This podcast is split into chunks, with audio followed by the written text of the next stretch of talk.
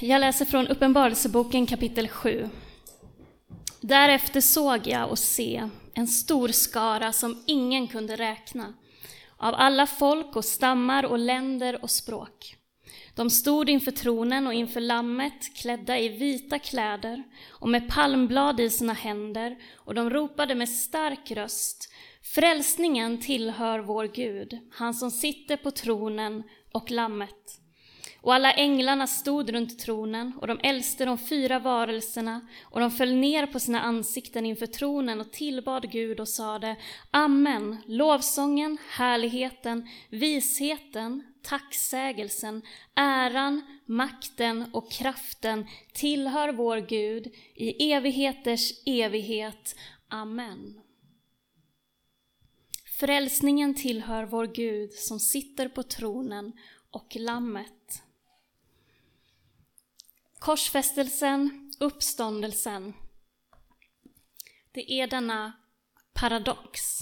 Att ur lidandet, att ur döden, att ur nöden kommer segern, kommer livet och det återuppstår igen. Eh, tidigare uppenbarelseboken så har, eh, har det varit tal om, om en bokrulle som ingen kan öppna. Och Johannes som ser den här synen, han, han känner en nöd i sitt hjärta. Det är någonting som är så viktigt med här, den här bokrullen. Eh, jag grät bittert över att det inte fanns någon som var värdig att öppna den eller se in i den. Eh, det är Uppenbarelseboken kapitel 5. Men en av de äldste sa till mig, gråt inte. Se, lejonet av Juda, Davids rotskott, har segrat. Han kan öppna bokrullen och dess sju sigill. Och jag såg, i mitten mellan tronen och de fyra varelserna och de äldste stod ett lamm som såg ut att ha blivit slaktat. Här har vi en bild av denna paradox. Vem är det som har segrat? Är det lejonet eller är det lammet? Lejonet som är, symbolen för det, för det som är starkt, för det som kan besegra. Och så bilden av lammet som dessutom har blivit slaktat. Eh, här har vi paradoxen, vem är Jesus? Han är lejonet av Juda och han är det slaktade lammet. Hur sker segern? Segern sker genom det slaktade lammet. Genom döden, genom korsfästelsen sker uppståndelsen och kraften och livet återkommer. Det som för oss ser helt omöjligt ut. Hur kan någonting gott komma ur det som är ont? Hur kan liv komma ur död? Hur kan seger komma ur lidande? Det är vad som manifesteras på, i påskhelgen och på påskdagen. Ur det som såg omöjligt ut, ur det som såg hopplöst ut, ur det som såg förlorat ut, ur det uppstod Jesus och livet vann över döden.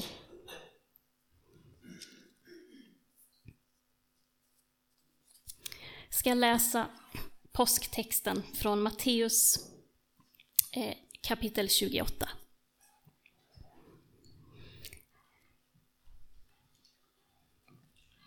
Efter sabbaten, i gryningen, den första veckodagen, gick Maria Magdalena och den andra Maria för att se på graven.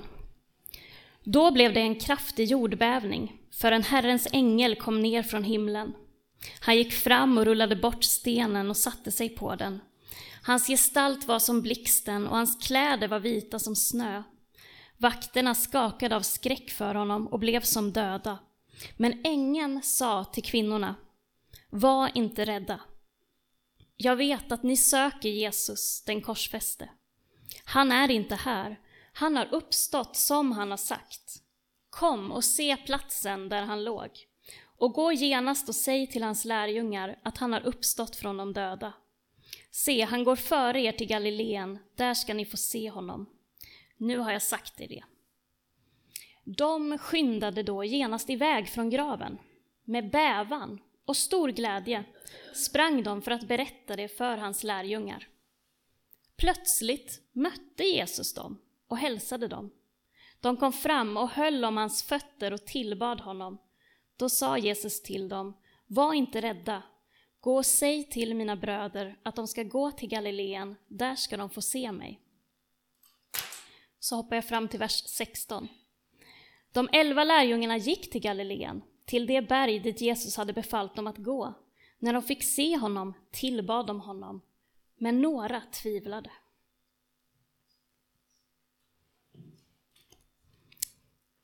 Det är en text med många olika, många olika känslor i rörelse bland eh, människorna som är med om det här tillfället.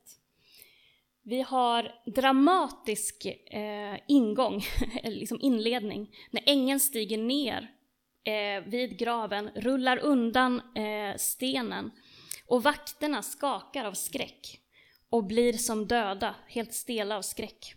Kvinnorna också, eftersom ängeln inleder med att säga var inte rädda, var inte rädda.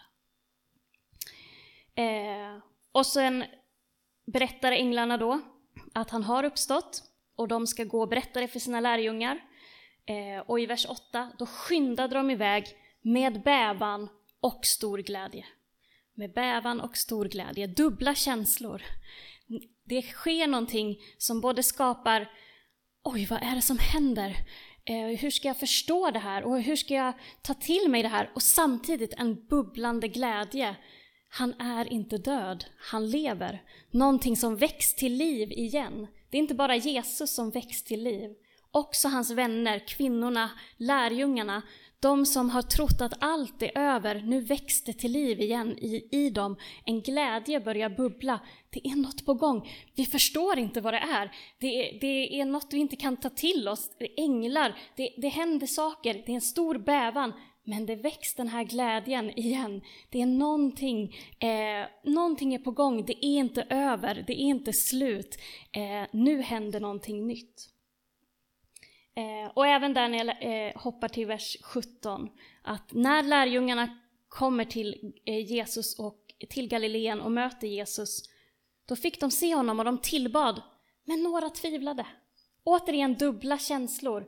Tillbedjan inför väcks när, man, när de får se Jesus som uppstånden. Wow, han är verkligen Gud, han har verkligen uppstått. Och samtidigt det där lilla tvivlet, men vad är det här egentligen? Vad är det som händer? Eh, kan vi lita på det här? Känslan inför att jag förstår inte helt. Återigen dubbla känslor. Bävan, glädje, tillbedjan, tvivel. Eh, den här händelsen rör om i, i de människor som är med där, i deras liv. Vi förstår inte allt, men det är någonting som händer som vi vill eh, ha del av.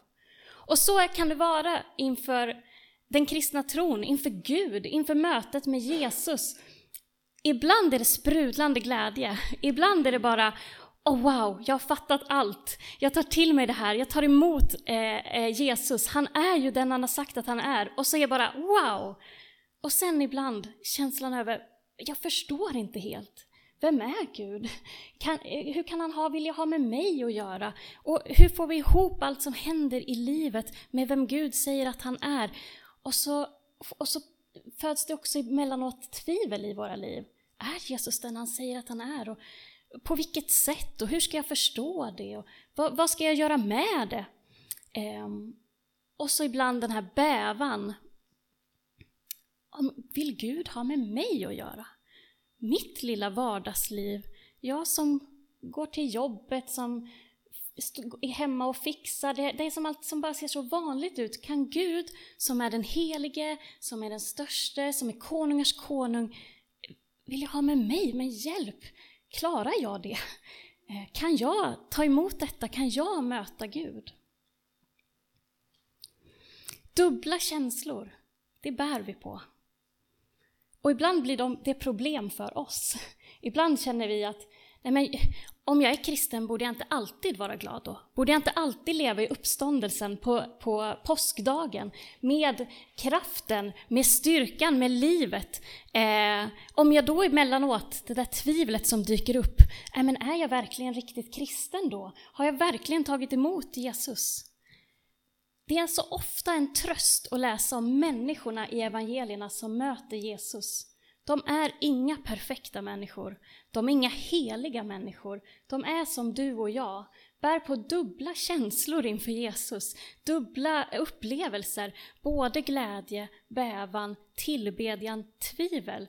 Eh, men Jesus möter dem. Tänker också på kvinnorna går till graven. Kvinnorna eh, söker efter Jesus, säger ängeln. Jag vet att ni söker Jesus. De tror att han är död, de tror att det inte finns egentligen så mycket mer att hämta, men de vill bara vara vid Jesus sida. De vill ta hand, se honom, de vill ta hand om kroppen så som man gjorde på den tiden. De vill vara där, de söker sig till Jesu kropp. Lärjungarna, de manliga lärjungarna då, det här är också lärjungar, fast kvinnor. De sitter hemma, eller i ett rum. De har låst in sig i rädsla Eh, för judarna. De söker inte efter Jesus. De tror att, verkligen att allt är över, att det är hopplöst, modlöst. Det finns inget mer. Varför ska vi gå och leta upp hans kropp? Varför ska vi gå till graven? Det finns ju inget där. Nu måste vi skydda oss själva. Tänk om eh, soldaterna och Pilatus är ute efter oss också, vi som stöttade Jesus, eller vad de nu än tänkte. De sitter instängda. Men Jesus möter de båda två. Gruppen som söker Jesus, som går till honom, även om de inte tror att det finns något att hämta, men som har en längtan att ändå vara där. Jesus möter dem som uppstånden. Men han skickar också en hälsning till dem som sitter instängda, de som inte vågar tro, de som har tappat allt hopp och all, är modlösa. Jesus ser till att de två gånger får hälsningen. Först säger ängeln, gå till lärjungarna och säg att jag är uppstånden. Sen säger Jesus det också, gå till lärjungarna och säg att jag är uppstånden.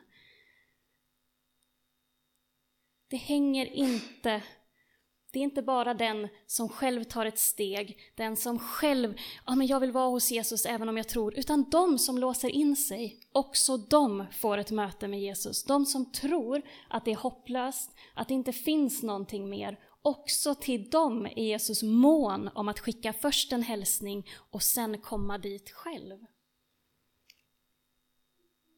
Ibland är vi som kvinnorna som eh, går till graven. Ja, oh, Jesus, jag fattar ingenting. Jag vet inte om, om det är sant, eh, om du lever eller vad som har hänt, men jag vill ändå vara hos dig. Jag vill ändå vara hos dig, för min kärlek till dig är så stor, min längtan efter dig är så stor. Ibland är vi som kvinnorna, och jag vet inte om jag kommer få möta dig, men jag söker dig ändå. Och Jesus möter oss. Ibland är vi som lärjungarna som låser in oss. Nej, jag ger upp jag har bett så länge över det här, eller jag ser inget liv, eller jag, allt verkar hopplöst, jag struntar i Jesus, jag stänger in mig, jag försöker bara rädda och skydda mig själv. Men hälsningen kommer till dem också som är instängda. Jag är uppstånden, jag lever, och så småningom visar sig Jesus också för dem.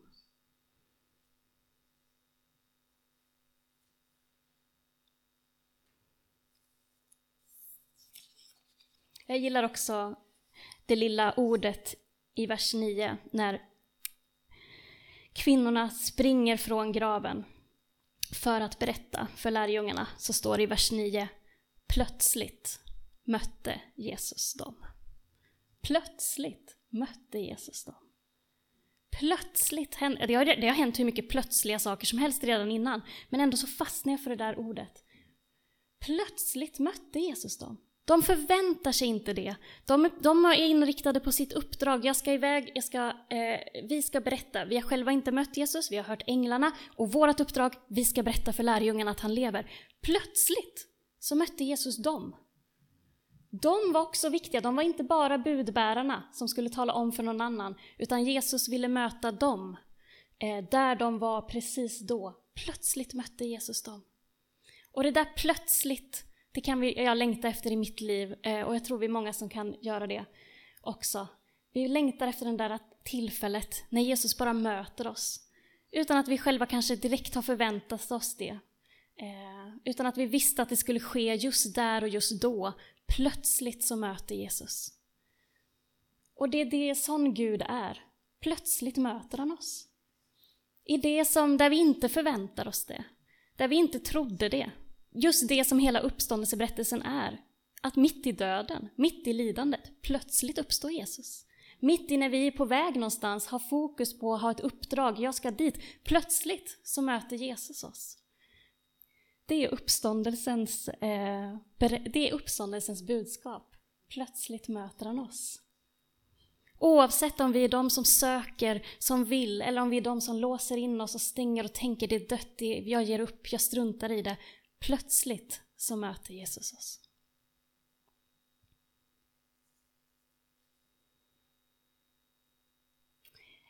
Jesus är inte en, en idé, inte en teori. Eh, han är en levande person som plötsligt dyker upp. Hos oss och i våra liv. Och det är det vi tar med oss. Vi har hört det så många gånger, men det är det vi tar med oss på påskdagen. Jesus lever. Och därför kan han möta oss. Därför kan han plötsligt dyka upp. Det hänger inte på om jag tänker rätt tankar, att jag har förstått att kristendomen hänger ihop på ett visst sätt, att jag har en teori, att jag har en förståelse av, av någonting. Utan det handlar om att Jesus lever. Att han är en person att lära känna. En som plötsligt dyker upp i våra liv, som förvandlar allt eh, och som dyker upp där vi minst anar det. Som vänder mörker till ljus, som vänder död till liv, som vänder sorg till glädje. Oavsett om vi är de som söker eller de som låser in oss. Oavsett om vi är de som bävar eller är fyllda av glädje. Oavsett om vi är de som fall, faller ner och tillber eller om vi är de som bär på tvivel. Jesus är en person som möter oss, som lär känna oss, som plötsligt dyker upp i våra liv. Och vi, vårt uppdrag, är bara att ta emot när det händer. Att ta emot när det händer. Jesus lever och därför dyker han upp i våra liv. Vi ber tillsammans.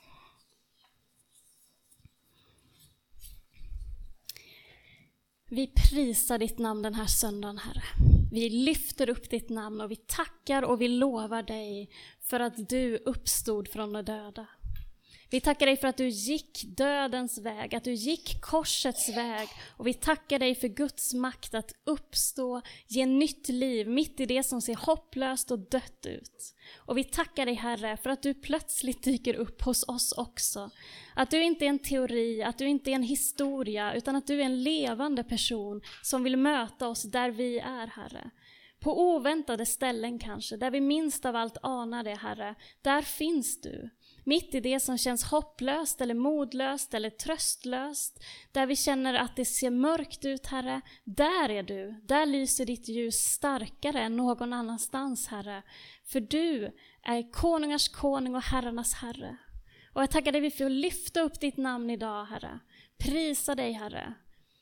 En dag så ska vi lovsjunga dig, alla folk, alla stammar, att frälsningen finns hos dig. Du som har besegrat eh, döden genom att själv dö.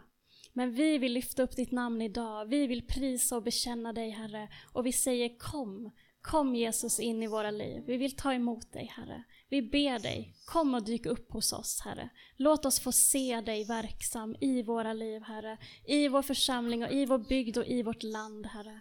Jag tackar dig, Herre, att du är en verklig, levande person. Att du inte är en teori, Herre. Och jag ber Herre, kom och möt oss. Amen.